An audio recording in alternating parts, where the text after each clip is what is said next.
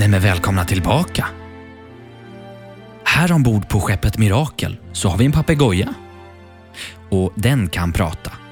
Men inte visste jag att katter kunde prata förrän jag kom till ett alldeles unikt kungarike. Det var en katt som hade ett par magiska stövlar sa man. Det här är Mästerkatten i stövlar. En mjölnare hade tre söner. En kvarn, en åsna och en katt. När han dog ärvde den äldste sonen kvarnen, den näst äldste sonen fick åsnan och till den yngste blev bara katten kvar.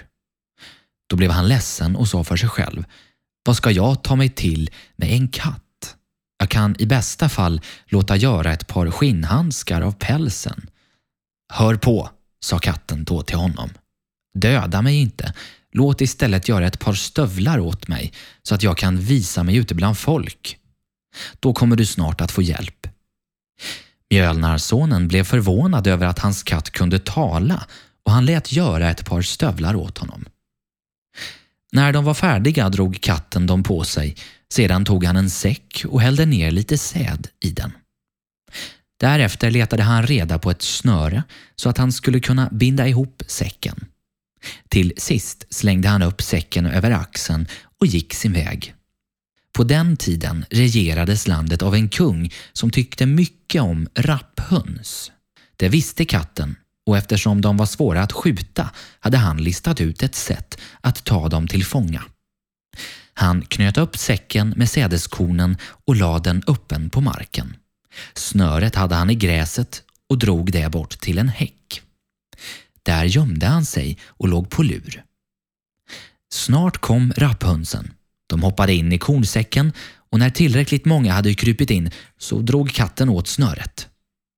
Sedan tog han säcken på ryggen och gick raka vägen till kungens slott. Stopp! Vad har hänt här? ropade vakten. Till kungen, svarade katten frimodigt. Eftersom kungen hade långtråkigt släpptes katten in. Han bugade sig djupt för kungen och sa Min herre. Greven låter hälsa sin konung.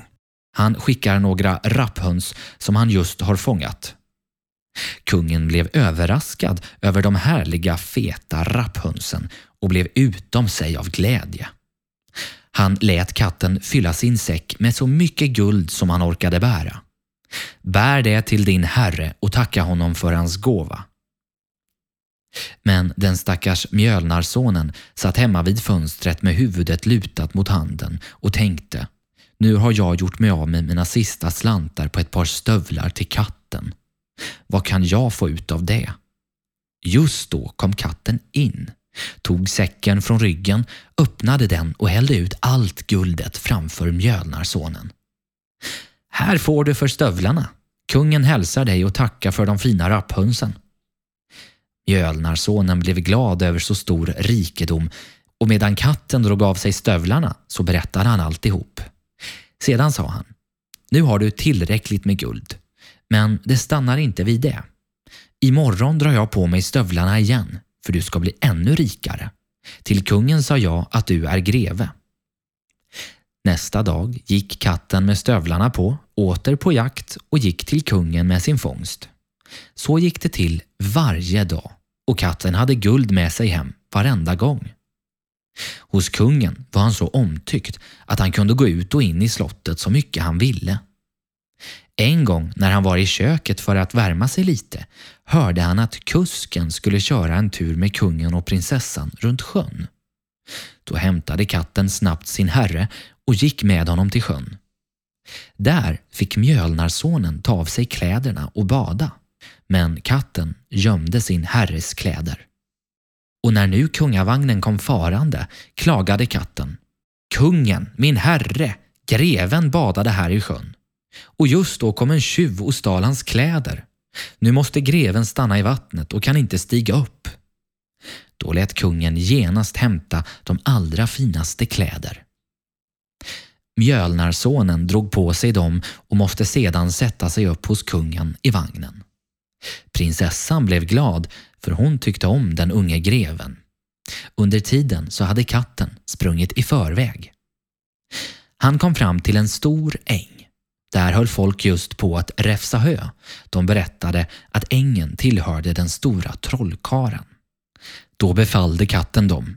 När kungen nu strax kör förbi här och frågar vem som äger ängen så svara greven.